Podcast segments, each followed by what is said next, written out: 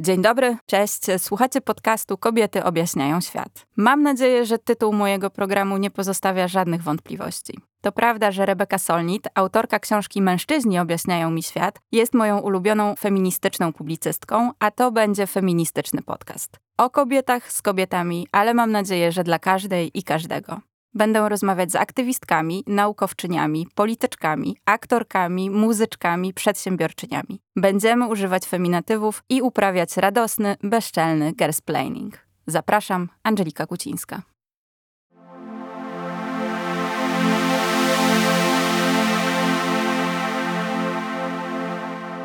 Cześć, dzień dobry, tu Angelika Kucińska. Zapraszam Was na podcast Kobiety objaśniają świat. Dziś moją gościnią jest Misia Furtak, muzyczka, ale również y, w związku z y, Twoimi ostatnimi aktywnościami y, na rzecz równości w branży muzycznej i mocniejszej reprezentacji kobiet w, tej, w tejże branży, chcę powiedzieć działaczka. Aktywistka. Aktywistka. Czy to jest dobre słowo? I już wiesz co, po pierwsze, dzień dobry, to ja rzeczywiście potwierdzam te informacje. Po drugie, rzeczywiście już słyszałam gdzieś tam w tych, w, w opisach w moim bio z tych basistek, kompozytorek, autorek i różnych y, innych od y, zeszłego roku, od płyty Wybory zaczęło się pojawiać. W niektórych miejscach też to słowo aktywistka, więc już też to słyszałam i na początku się śmiałam z tego, a potem stwierdziłam, kurczę, nie wiem, chyba to się tak nazywa, może to tak rzeczywiście jest, więc y, gdzieś już się troszeczkę y, oswajam z tą myślą, że że jestem lub bywam aktywistką. Wchodzisz w, w rolę aktywistyczną? Wchodzę w rolę aktywistyczną, ponieważ, że tak się wyrażę, taki mamy klimat. Napisałaś jakiś czas temu na y, swoim Instagramie, że oczywiście y, kobiety funkcjonują w branży muzycznej, natomiast y, mierzą się z seksizmem, stereotypami i chłopackością branży.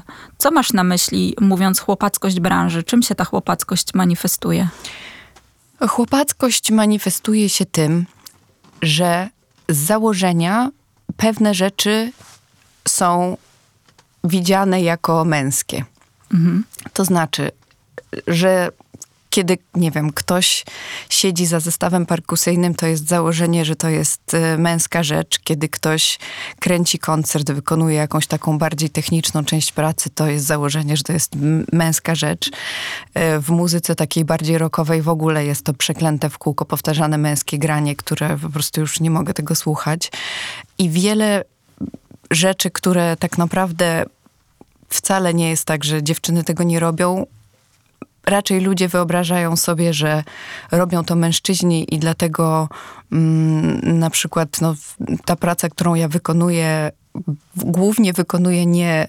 Mm, nie taką pracę, żeby dziewczyny namawiać do tego, żeby do branży wchodziły, tylko taką, żeby zwiększyć ich widoczność, bo one tam są, tylko po prostu ludzie zakładają, że że te osoby, które są na przykład mniej widoczne z przodu, okej, okay. jeszcze jak jest wokalistka, no to jakby jest dziewczyna, okej. Okay. I to jest miejsce dziewczyny w, w, w, muzyce, ale już w tych innych miejscach um, raczej ludzie zakładają, że tam siedzą chłopaki. Mhm. Ale to też jest o tym, że y, kiedy widzimy kobietę na scenie, to ona jest, może być wokalistką w zespole, ale zakładamy, że raczej nie jest wybitną instrumentalistką. E, może śpiewać w chórkach, może być tancerką. Kiedy widzimy kobietę w studiu nagraniowym, to ona jest dziewczyną producenta albo recepcjonistką, ale nie przyjdzie nam w pierwszym odruchu do głowy, że, e, że jest producentką. Absolutnie tak. Ja w zeszłym tygodniu rozmawiałam z Anią Kwiatkowską, która jest realizatorką właśnie i kierowniczką techniczną i ona dokładnie to powiedziała, że kiedy ktoś wchodzi na produkcję, którą ona robi, to często zakłada, że jest właśnie dziewczyną kogoś, albo córką, albo jakąś koleżanką, która tam przyszła, a nie osobą, która jest w pracy. I że najbardziej właściwie to, co jej przeszkadza w tym, to jest to, że ona musi po prostu udowadniać dużo mocniej, że jest kompetentna, że rzeczywiście robi to, co potrafi i że robi to dobrze, bo wszyscy patrzą na nią właśnie z wielkim mm, zaskoczeniem, że to ona realizuje i y, z pewną taką podejrzliwością, że skoro jest dziewczyną, to na pewno nie będzie umiała tego zrealizować. Tak, to jest, to jest y, kolejna sprawa, z którą mierzą się kobiety funkcjonujące w branży muzycznej. Ja się tutaj odwołuję do y, raportu Key Change, organizacji, z którą ty jesteś związana i o której sobie za chwilę porozmawiamy. To jest raport z 2021 roku. Takie badanie, w którym 96% kobiet związanych z branżą muzyczną zadeklarowało, że spotkały się z jakąś formą dyskryminacji ze względu na swoją płeć. Tak. E, I taką formą e, dyskryminacji ze względu na płeć jest też podważanie kompetencji, czy taki generalny, taka generalna nieufność do e, kompetencji kobiet muzyczek, czy tak producentek. Mhm. Tak, i to, to się tyczy też, to się tyczy technicznych zawodów, to się tyczy produkcji, bo z kolei mm, moja serdeczna koleżanka Tessa Daustra, wokalistka i producentka i instrumentalistka w zespole Luften y, z Holandii, ona powiedziała, że bardzo zmaga się z tym, że kiedy produkuje, ona produkuje większość swojej muzyki, mm, musi w wywiadach opowiadając o tej muzyce zdecydowanie więcej opowiadać o tym, co zrobiła, niż by na to miała ochotę. I że gdyby była chłopakiem, po prostu powiedziałaby, wyprodukowałam to i to, to nie wymagałoby dodatkowego tłumaczenia. A tutaj ona musi opowiedzieć tak jakby osoby zadające to pytanie też sprawdzały, czy na pewno ona wie, co zrobiła, więc te producentki tutaj jak najbardziej to jest duża zmora. Jakoś wydaje mi się, że język do opowiadania o tym, że Bjork przetarła trochę, ale ona cały czas też się z tym zmaga. Ten podcast, który ona ostatnio nagrała jest bardzo ciekawy, gdzie opowiada płyta po płycie e, o tym, jak pracowała nad tymi płytami i wydaje mi się, że to cały czas jest też tak, że, że nawet ona musi mhm. gdzieś tam się przyciskać przez ten temat. No, mało tego, z Bjork zrobiono taki wyjątek, wiesz, odklejonej, szalonej pani. Tak, tak, tak, dokładnie, że jakby albo jesteś taką szaloną panią, albo nie wiesz o co chodzi. Nie ma mhm. takiej merytorycznej mm, producentki, dokładnie. E, instrumentalistki też, no niekoniecznie. Niekoniecznie wiesz, co robisz, tak? Zwłaszcza kiedy, no ewentualnie możesz być, nie wiem, jeszcze grać na klawiszu, bo taka dziewczyna pianistka to jeszcze gdzieś tam się wpisuje, mhm. ale już, już gitary, już bębny, to już rzeczywiście e, większa podejrzliwość. Mhm. I, I, rzeczywiście te moje koleżanki też z Key Change, z którymi rozmawiałam, one wszystkie to mówią że zazwyczaj jest takie założenie, że nie wiem, tak samo jak, jak z Anią opowiadałam o tym, że ona pewnie jest dziewczyną kogoś, to jak dziewczyny instrumentalistki przychodzą na przykład na koncert, to często jest e, założenie, że są, nie wiem, menadżerką, tour menadżerką, albo że przyszły ogarniać, a jak dziewczyna wtedy siada za bębnami, to się okazuje, że jest jakiś potężny szok. Mhm. No dobra, to czym jest Key Change? Key Change e, to jest e, organizacja, właściwie sieć kobiet, międzynarodowa sieć kobiet.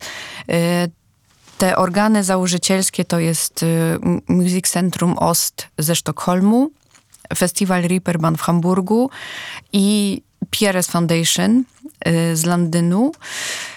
I oni robią co roku rekrutację mm, rekrutują artystki i innowatorki, czyli dziewczyny, ale też osoby niebinarne, które pracują w branży muzycznej, po trzy osoby z każdego kraju. To jest wiele krajów Unii Europejskiej i Kanada, i też w tym roku mm, po raz pierwszy mm, pojawiły się Stany Zjednoczone na liście, więc myślę, że w przyszłym roku już ta rekrutacja też będzie dotyczyła mm, amerykańskich y, uczestniczek.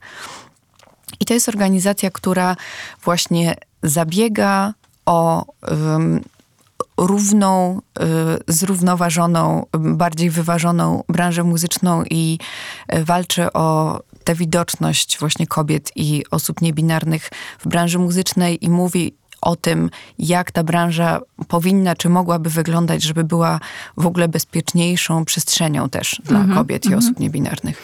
No dobra. Y, mówi, y, czyli prowadzi jakieś działania edukacyjne, jak się domyślam, ale czy do tego dochodzą takie działania, jak na przykład lobbowanie y, agencji czy organizatorów y, dużych festiwali po to, żeby na przykład line-up się rozkładał 50 na 50. 50% stanowią wykonawcy identyfikujący się jako mężczyźni, połowę identyfikujący się jako kobiety czy osoby niebinarne. Mhm.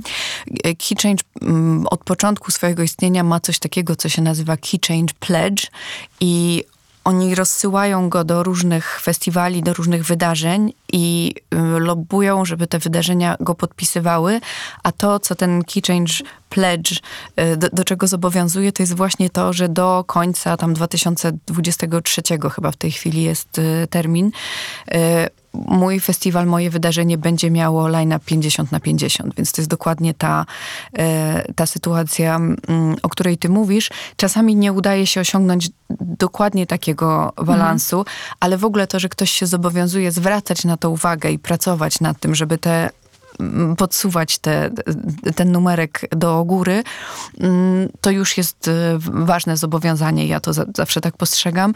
Też wiem, że można do Kitchen się odzywać, jeżeli ktoś na przykład e, boi się sam napisać do wydarzenia, zwrócić uwagę, że słuchajcie, macie jednak trochę za przeproszeniem sausage fest w tym line-upie i to powinno się natychmiast y, zmienić. Jest tak często, że na przykład y, to są dziewczyny, muzyczki z zespołów, które w ten, wtedy czują się jakby występowały w kontrze do organizatorów festiwali, z którymi muszą pracować. Wtedy można się do Key Change odezwać, bo oni oczywiście też nie widzą wszystkich festiwalów na całym świecie, nie mogą y, tego wiedzieć. Ale wtedy oni jakby po takim wskazaniu mogą napisać maila, że cześć, robimy tutaj taką akcję, może byście chcieli podpisać nasz pledge i ja wiem, że czasami to się wydaje, że to jest, ktoś może odpisać albo w ogóle nie odpisać i, i olać ten temat, ale tak naprawdę z tych pęknięć się, się biorą te zmiany i my tak mhm. tak krążymy też, właśnie generujemy pęknięcia i one sobie idą, idą, idą, aż dochodzą do tego miejsca, o które nam chodzi, więc każda taka informacja gdzieś tam pracuje w głowach tych ludzi, więc nawet jeżeli w tym momencie nie odniesie skutku, to może odniesie za trzy lata. Także myślę, że też warto takie rzeczy robić. Mhm. No ja uważam, że y, według tego systemu kwotowego y, powinny być konstruowane nie tylko line-upy imprez muzycznych, ale również y, katalogi wytwórni mhm. płytowych. Tylko co, jak teraz odpowiedzieć na argument tych wszystkich osób, które przyjdą i powiedzą, że słuchajcie, branża muzyczna to jest jednak bardzo wrażliwa sytuacja i tu powinien decydować talent. Wiesz, to jest ten odwieczny argument, mhm. że my się, y, że, że decyduje płeć w jedną albo w drugą stronę. Y, jak odpowiadasz na taki argument?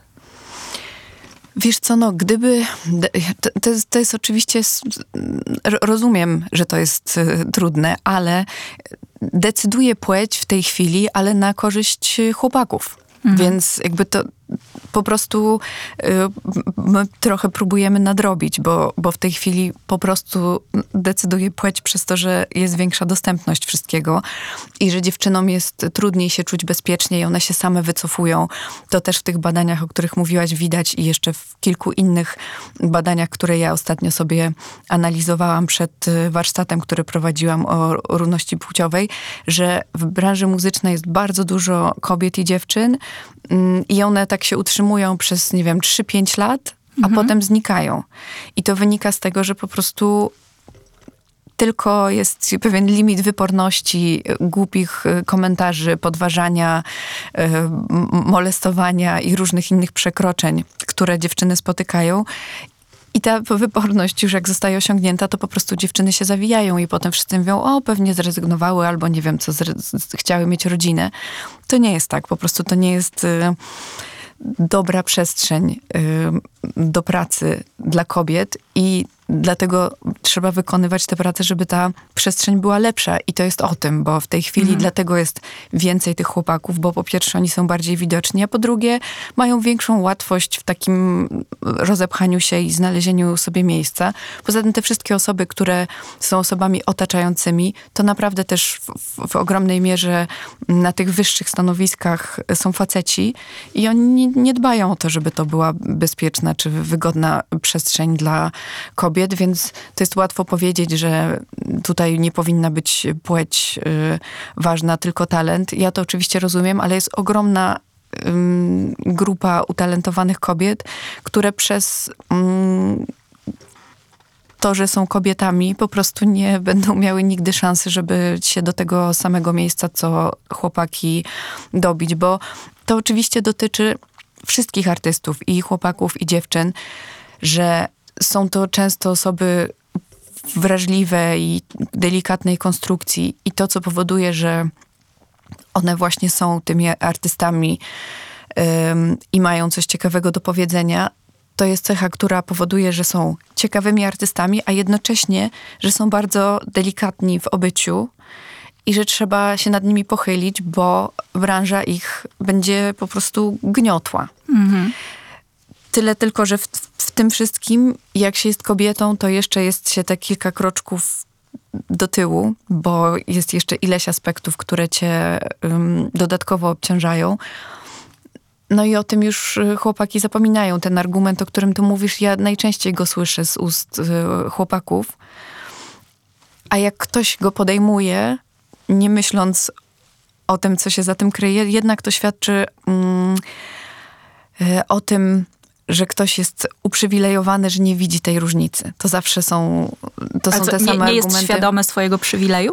Myślę, że właśnie dokładnie o to chodzi. To, ten, to jest ten sam argument, który był, kiedy się było, pojawiła ta aktywizacja ruchu e, Black Lives Matter i trzeba było te wszystkie rozpiski rysunkowe, animacje, tłumaczenie systemowego rasizmu, bo biali ludzie mówili, no tak, wy macie tutaj ciężko, ale my też tutaj mamy ciężko. Mhm. Okej, okay, ale jest pewna różnica systemowa, która powoduje, że to nie jest tak samo. I tutaj jest y, Dokładnie to. I, I te argumenty najczęściej właśnie przychodzą od osób, które nie widzą swojego przywileju. Mhm. Też jest tak, że kobiety w branży muzycznej bardzo często nie mają wstępu do tego pokoju, w którym podejmuje się decyzje, ponieważ to e, najczęściej mężczyźni e, zarządzają wytwórniami, e, płyto, firmami płytowymi, e, firmami managementowymi, e, agencjami organizującymi e, festiwale. Kobiet nie ma na wysokich stanowiskach. Nie są też zapraszane do tego kręgu, w którym właśnie, w którym się decyduje o tym, co wydajemy, wydajemy, jak wydajemy, mhm. jak to będziemy promować, kogo bukujemy. Tak, to prawda i to ma kolosalną różnicę, bo mm, rozmawiałam o tym z Angelą Dorgan, która jest szefową Island Music Week i w ogóle powiedziałabym, że szefową irlandzkiej branży muzycznej, bo ona rzeczywiście y, potężnie zarządza mm, wieloma organizacjami, zarządziła też przez ten czas covidowy mm, podstawowy Mm, jak to się nazywa, basic income, to, że artyści dostają po prostu podstawowy tak podstawowy przychód, przychód dochód. dochód, nie wiem jak to się na polski tłumaczy, ale bazowe pieniądze po prostu muszą tam ileś udowodnić, że, że, że coś tam zrobili jako artyści i, i dostają po prostu comiesięczne pieniądze w związku z tym, że był COVID, żeby mm, ich wesprzeć. I ona to y, wypiczowała od y, rządu irlandzkiego.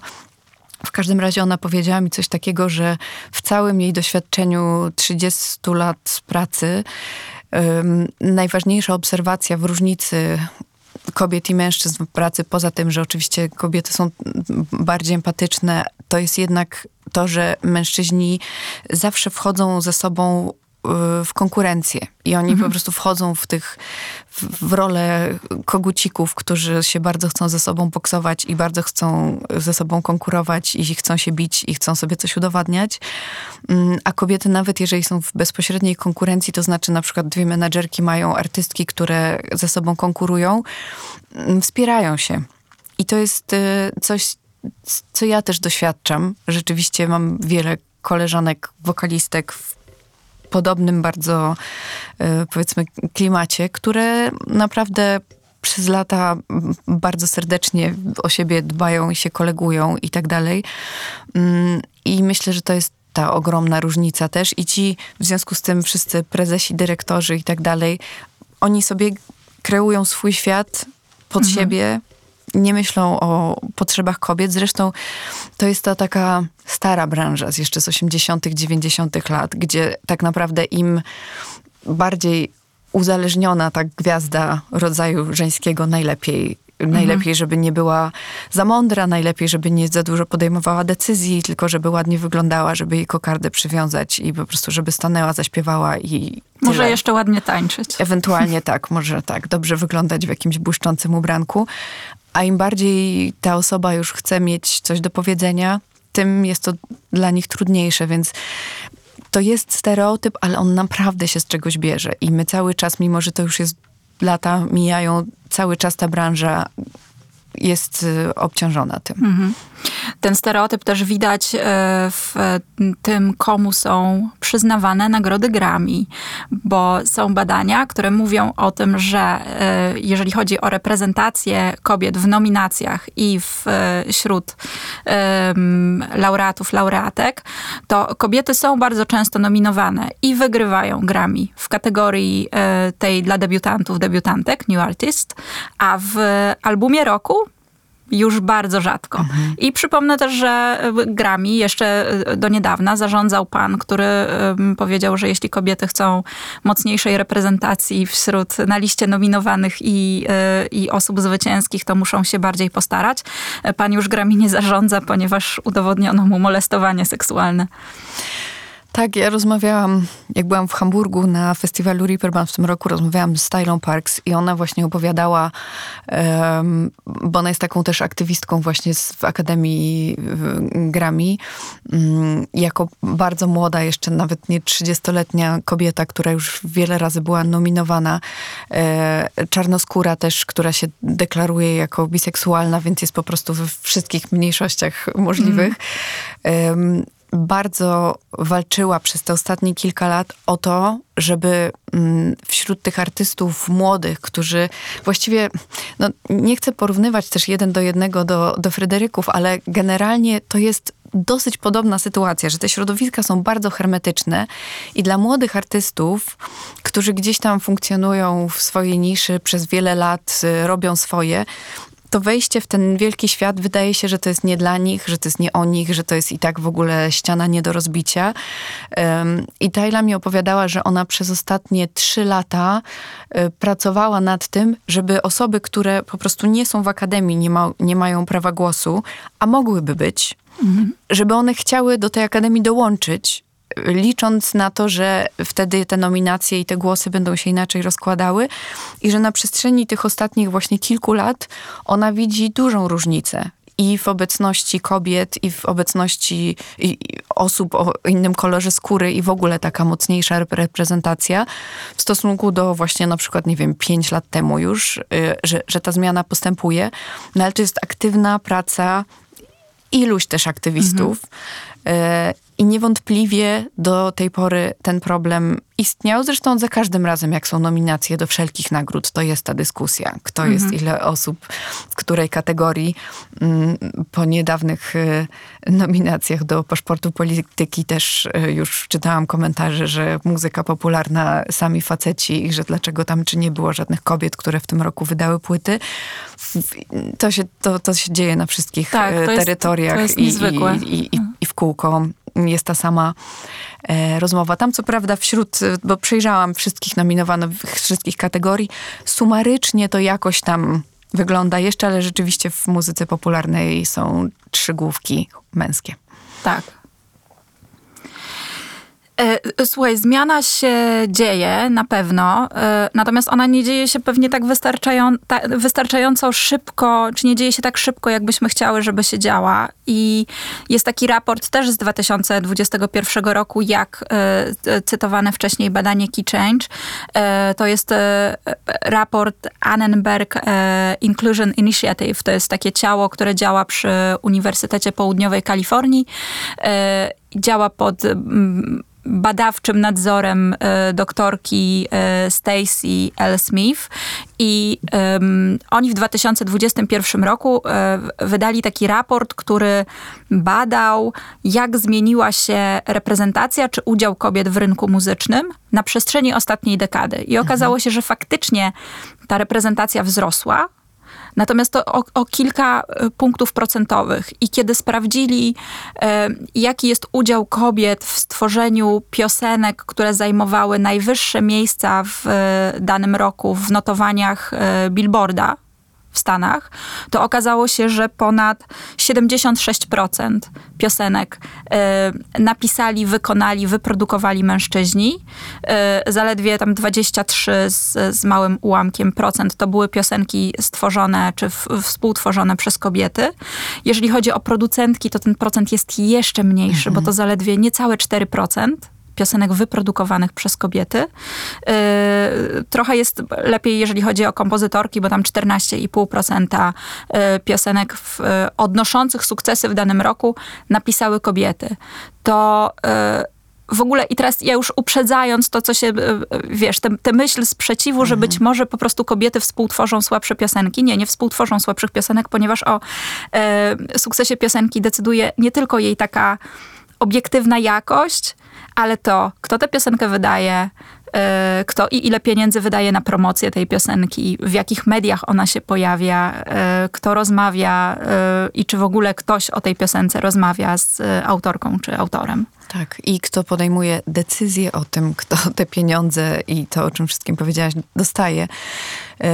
Ja rozmawiałam z kolei o, o tych właśnie kwestii bycia producentką kobietą z Iwoną Skwarek i ona mówiła mi dokładnie mm, to, że jest bardzo trudno być kobietą producentką, bo mm, we współpracy z chłopakami zawsze jest to założenie, że ona będzie wokalistką i że to chłopak zrobi, mm, że ona musi jakby wykon wykonać taką pracę pod tytułem ja teraz robię swoje rzeczy i w ogóle tu nie wpuszczam żadnych chłopaków, żeby nie było tego zderzania się i wywalczania e, swojego miejsca. Mm, I że ona bardzo chciała, e, tak jak sobie myślała o tym, że co by jej się przydało wcześniej, gdyby na przykład dorastała w, w, swojej karierze, gdyby miała koleżanki, które mają studio i od koleżanek, producentek mogłaby się uczyć, a nie od kolegów, żeby to była taka bezpieczniejsza też właśnie przestrzeń, że mogłaby zapytać i żeby to było w cudzysłowie normalniejsze, że to też jest dziewczyna, a nie, że właśnie ona teraz musi walczyć o każde słowo i o właściwie swoją wizję swojej piosenki z, z, ze współproducentem. I rzeczywiście to jest ta kluczowa rzecz, że te dziewczyny też produkujące, dziewczyny w studiach są bardzo mało widoczne. I jest, no po prostu tak jak mówiłam wcześniej, tak przy tych pracach technicznych, jest założenie, że, że skoro to jest dziewczyna, to one pewnie niekoniecznie ogarniają i już robi to ten chłopak, zawsze to robił, nie zmieniajmy tego, dajmy to do tego producenta i niech to sobie tam się toczy. Mało jest, no też dlatego, że te decyzje, jak podejmuje facet, to jemu się to wydaje dziwne, czemu by to miała być dziewczyna producentka. Um, więc nie ma tej, tego przełamywania tego stereotypu, nie ma dawania szansy nowym osobom. Więc to są w kółko te same osoby i tak się to toczy przez te mhm. lata. A y, na ile problemem jest e, w branży muzycznej jest e, różnego rodzaju przemoc seksualna czy nadużycia seksualne. Jest, bo w tych badaniach ja, ja z kolei, no to, to jest, dotyczy Wielkiej Brytanii, ale te badania, które dotyczą i Stanów, i Wielkiej Brytanii i generalnie całej Europy przekładają się też na Polskę, bo, bo to są podobne liczby, więc nie wiem dokładnie, jakby to wyglądało przełożone na całą Europę czy na Polskę, ale według badań UN for Women naprawdę kolosalnie, tam typu blisko 70% kobiet się wypowiedziało o tym, że podczas zarówno kobiet, y, to była podobna bardzo y, cyferka, y, przy udziale w festiwalach muzycznych, w trakcie wydarzeń różnych muzycznych, że następowało do jakichś przekroczeń właśnie typu molestowanie. I kobiety pracujące w branży, więc i w sytuacjach takich wydarzeniowych, festiwalowych i w sytuacjach biurowych, pracowych mm, te przekroczenia się wydarzają. 95% tego nie zgłasza przez, cytuję, to, jaki jest charakter tej branży. Czyli po prostu mhm. przez założenie, że trzeba by pójść do pewnie pana szefa, który by powiedział, no daj spokój, no co tam, no nie można klepnąć. Więc to po prostu też jest um, ogromnie smutne, że właściwie nawet jeżeli coś się wydarzyło i ktoś się zbierze na odwagę i chciałby o tym porozmawiać, to to środowisko no nie, nie, nie wspiera tego jakby rozwiązania tej sytuacji. Mhm. No ja też się spotkałam z taką opinią e, a propos molestowania, nadużyć, e, że e, mi tu było ruchem takim bardzo medialnym, który wywołał no, mnóstwo reakcji, gigantyczną dyskusję.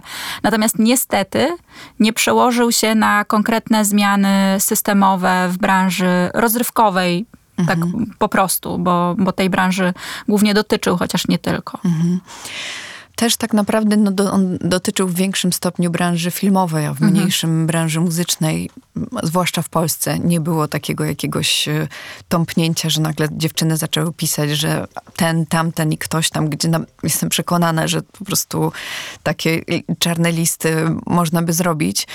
Um, więc to też nie jest tak, że my mamy takie doświadczenie rzeczywiście takiego mocniejszego tąpnięcia, które być może wtedy można by przełożyć, po prostu po, pociągnąć dalej i spróbować przełożyć na jakieś. Um, na jakieś nowe zasady, które można by wprowadzić. Natomiast y, z takich małych ruchów, które można robić wokół wydarzeń, można mm, na przykład wprowadzać dla swojego wydarzenia coś takiego, co się nazywa Code of Conduct, czyli taki jakiś kodeks postępowania, który jest listą zasad i wtedy przynajmniej wiadomo, że jeżeli festiwal wysyła taką listę zasad, jest to jakaś przynajmniej taka za przeproszeniem podkładka, że można się do tego odwołać, gdyby coś się stało, bo też UN for Women na przykład szkoli tak, tak osoby, które są nazywane aniołami na terenie festiwali i są takie wydzielone, bezpieczniejsze przestrzenie, gdzie są te przeszkolone osoby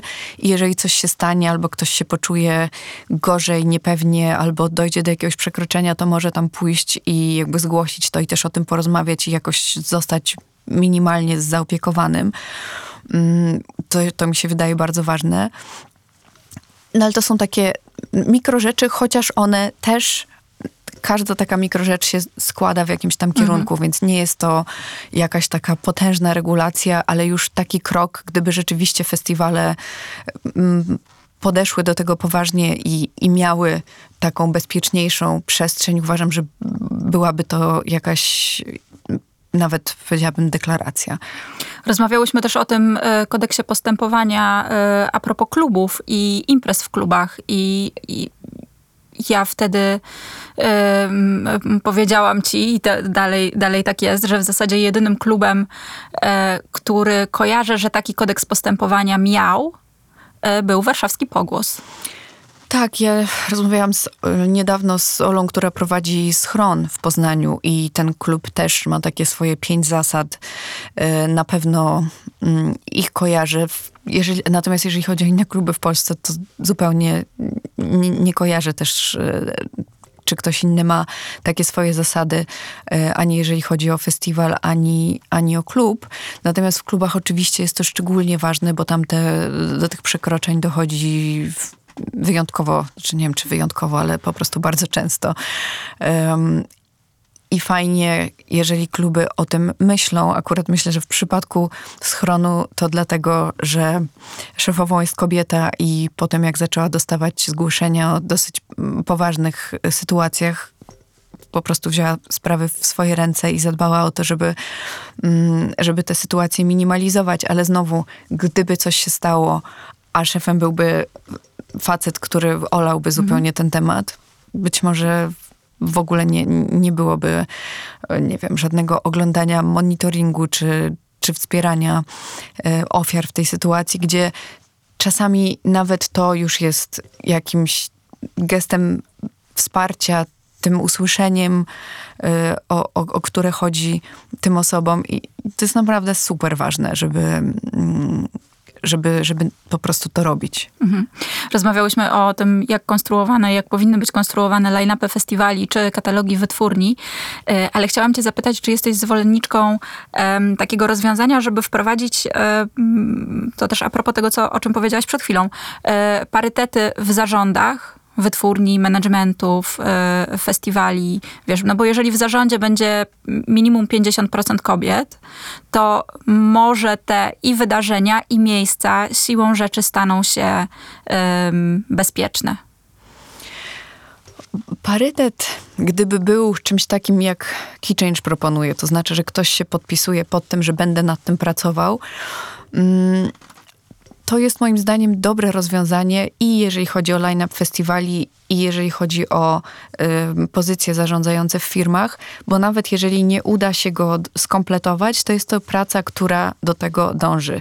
Jest to szukanie osoby na dane stanowisko, która nie będzie kolegą pana prezesa, tylko założenie, że trzeba poważnie brać pod uwagę kobiety kandydatki, bo mamy tylko jedną kobietę na po prostu 10 y, oddziałów w całej Europie i może to o czym świadczy. Więc y, ja wiem, że to jest kontrowersyjne i tam wiele osób przewraca mm, oczami, jak y, o tym mówię, ale naprawdę dbanie o to, oglądanie się na to jest bardzo ważne, nawet jeżeli się nie uda dojść do 50 na 50, jakby to było 35, to już by mhm. było naprawdę nieźle. No skoro zadowalacie 35, to znaczy, że jest bardzo źle. Nie, naprawdę już tak mam poczucie, że no, nie ma co też takie boksować się o każdą cyferkę, jeżeli to będzie parę procent mniej, ale rzeczywiście ta praca jest wykonywana, bo rozmawiałam też o tym z rzeczoną już wcześniej Angelą Dorgan z Ireland Music Week. I ona powiedziała, że oczywiście, jeżeli nie ma, że ona oczywiście, rzeczywiście tak jest, że pracuje z samymi kobietami, ma czteroosobowy Mm, skład bezpośrednich swoich współpracowniczek w Ireland Music Week i w, w Music Island jest właściwie kurczę, no też są same kobiety. Szefowa od, z Instytutu Kultury też jest kobietą y, i ona powiedziała, że jeżeli ma stanowisko do obsadzenia, oczywiście jeżeli nie ma kobiety na to stanowisko, to ona zatrudni mężczyznę, bo po prostu chodzi o to, żeby zatrudnić najlepszą osobę for the job, ale jakoś tak się składa, że ona rzeczywiście bardzo lubi pracować z kobietami i najczęściej te osoby, które są lepsze na to stanowisko, to są kobiety. Mm, natomiast ona też ma perspektywę kobiety, która wie, że musiała ileś lat dłużej pracować, żeby dojść do tego miejsca, w którym się znajduje i nikt dla niej nie przetarł szlaku i nie postawił jej drabiny, żeby mogła mhm. gdzieś tam przejść taką drogą, którą dla kobiet to się nazywa na skróty, a dla mężczyzn się nazywa normalna droga. Y, I ona o tym też otwarcie mówi, że ona po, po, prostu rzeczywiście aktywnie o tym myśli, żeby te y, kobiety zatrudniać, tym bardziej jeżeli rzeczywiście one się do tej pracy mm, bardzo dobrze nadają. Natomiast y, mam wrażenie, że, że mężczyźni nie mają takiej perspektywy. Mhm. Słuchaj, a teraz z, z innej strony, bo e, chciałabym mm, porozmawiać trochę o tym, jak my ten e, seksizm muzyczny, czy w, z, związany z muzyką, i kobietami w muzyce, mamy y, głęboko y, zaszczepiony, ponieważ widać go też na y, poziomie języka, którego używamy. Czy spotkałaś się kiedyś z określeniem płyta dla dziewczynek, muzyka dla dziewczynek i jest to oczywiście określenie negatywne? Spotkałam się, ale z perspektywy, to jest muzyka dla dziewczynek jest z perspektywy słuchaczy, a z perspektywy muzyczek grających, to jest to słynne, że coś tam dobrze robisz jak na dziewczynę. A, to też jest, to jest moje ulubione i to też y, kilka koleżanek perkusistek też mówiły mi, że to jest takie typowe, że dobrze grasz jak na dziewczynę. Co to znaczy? To jest w ogóle komplement czy nie? Nie wiadomo. Także, także te, te wszystkie właśnie podzielniki, że dobrze coś robisz jak na dziewczynę, to jest chyba moje ulubione. Ja pamiętam też, że y, czytałam dawno temu w jakimś zbiorze, zbiorze felietonów muzycznych. Felieton takiego pana, który się nazywał Roman Waszko i był e, w latach 70.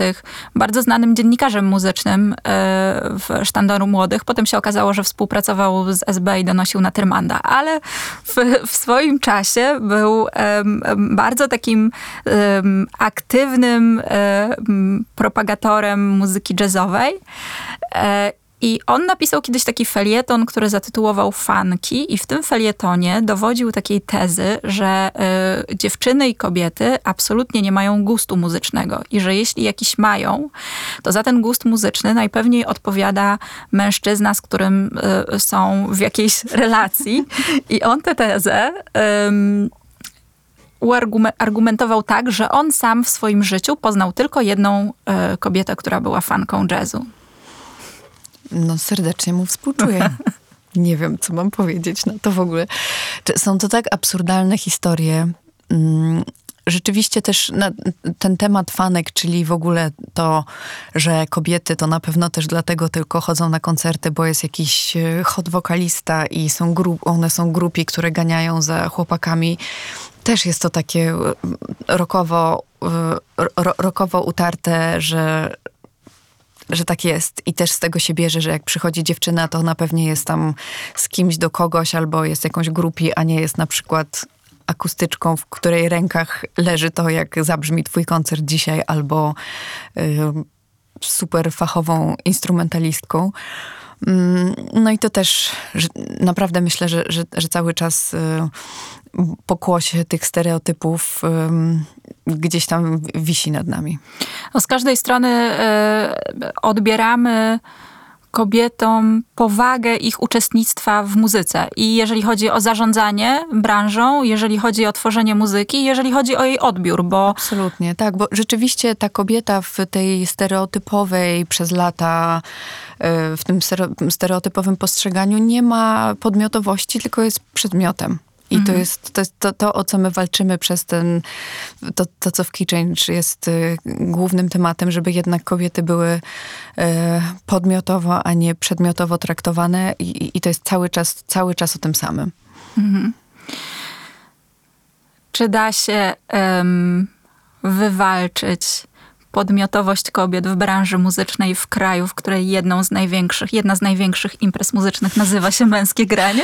Czekałam na to pytanie. Boże, ono to wraca jak bumerang, ten temat tego męskiego grania, bo mm, też jak rozmawiam z, z, z, dziewczynami muzyczkami, często bardzo wraca ten temat. Zresztą mm, kiedy musiałam wytłumaczyć różnym swoim osobom, znajomym, czy tym osobom, które zarządzają w ogóle Key Change, tym całym programem, że istnieje w Polsce taki festiwal, który jest bardzo popularny i nazywa się po angielsku w tłumaczeniu to jest Men's Playing, co brzmi tak niepokojąco blisko do mansplaining, że oni nie mogli zupełnie uwierzyć w to, że coś takiego jest możliwe i że to nie jest uznawane za jakąś, y, jakiś, jakąś potworną mm, dyskryminację i że ktoś na to y, pozwala.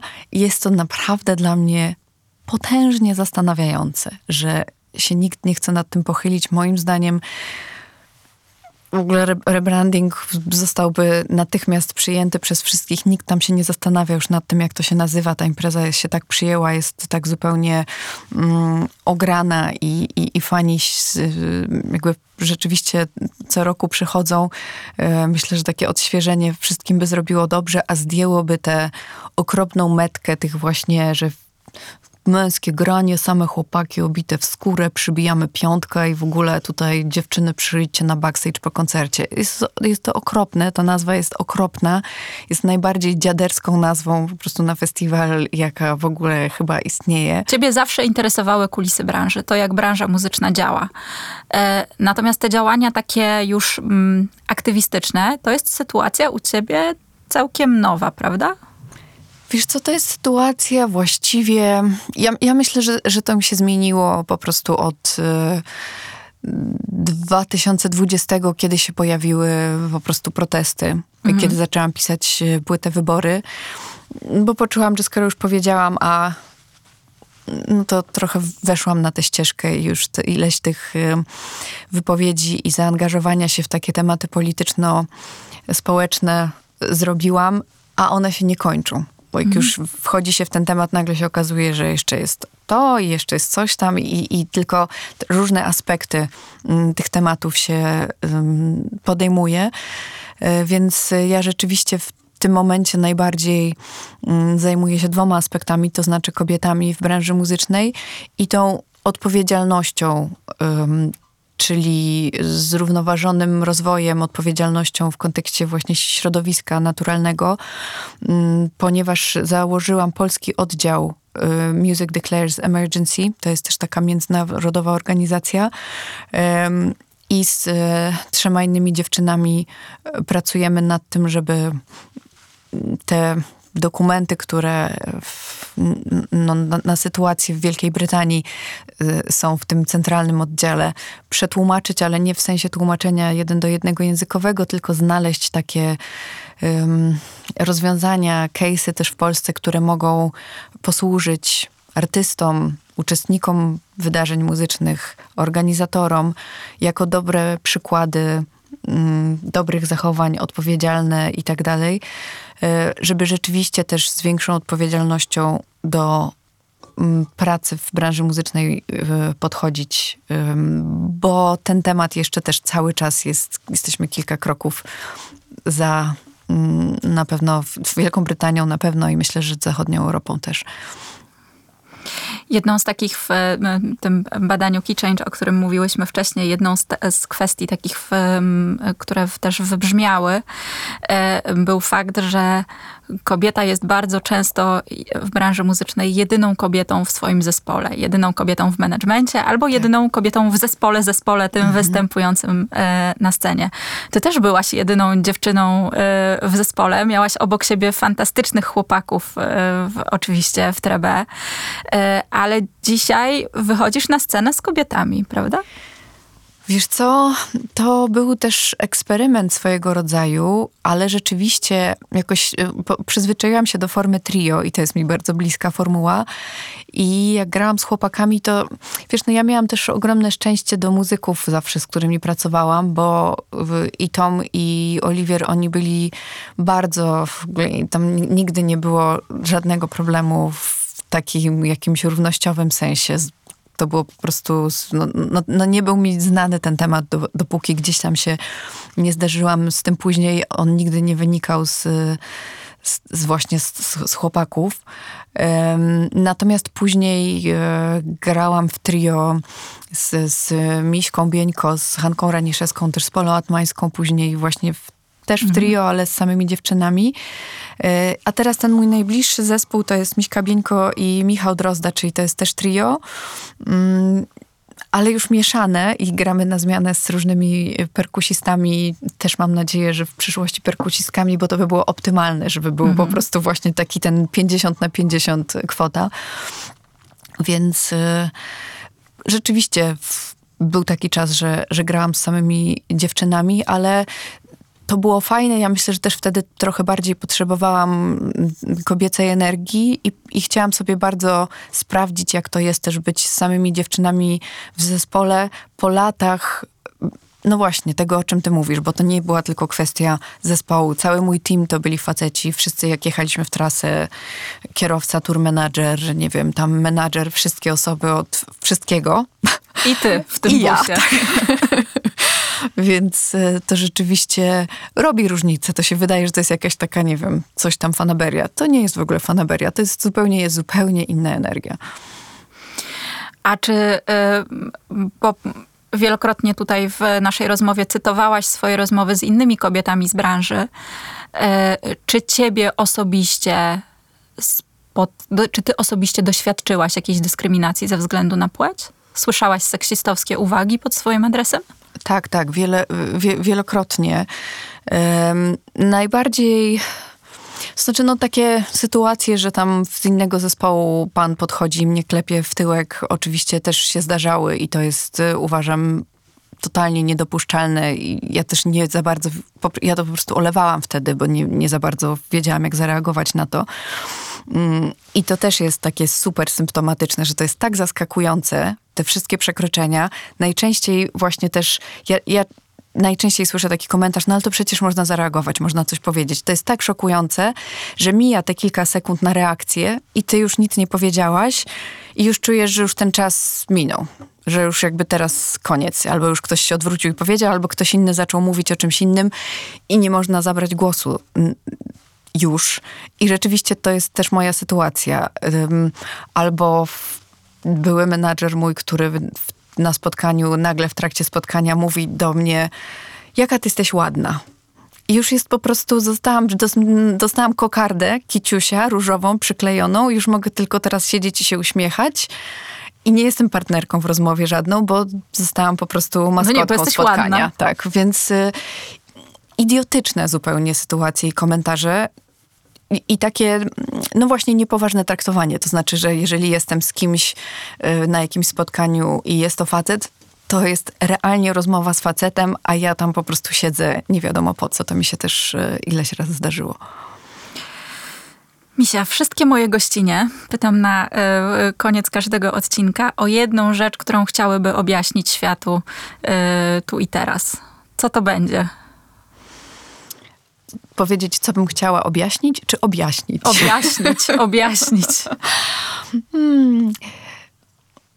Chciałabym objaśnić światu, że wszystkie problemy świata zostałyby rozwiązane, gdybyśmy się troszeczkę bardziej na siebie oglądali jakbyśmy zaczęli brać siebie pod uwagę, ale nie tak w jakimś sensie, że ktoś ma jakiś interes w tym, albo że coś się powinno, albo że ktoś komuś kazał, tylko po prostu jakbyśmy spojrzeli na siebie jak na drugiego człowieka, który ma takie same potrzeby, który czasami może mieć słabszy dzień, który funkcjonuje jak każdy inny człowiek, to naprawdę świat dla wszystkich byłby lepszy. Piękna puenta. Bardzo Ci dziękuję. A Was zapraszam na y, kolejny odcinek za dwa tygodnie. Y, informacje o nowych odcinkach podcastu znajdziecie na moim Instagramie. Jeśli ta rozmowa się Wam podobała, y, to zachęcam do tego, żeby podcast ocenić i zostawić pięć gwiazdek w serwisie Spotify, bo dzięki tym ocenom nasze feministyczne rozmowy docierają do większej liczby odbiorców. Dziękuję, do usłyszenia. Bardzo dziękuję, do usłyszenia.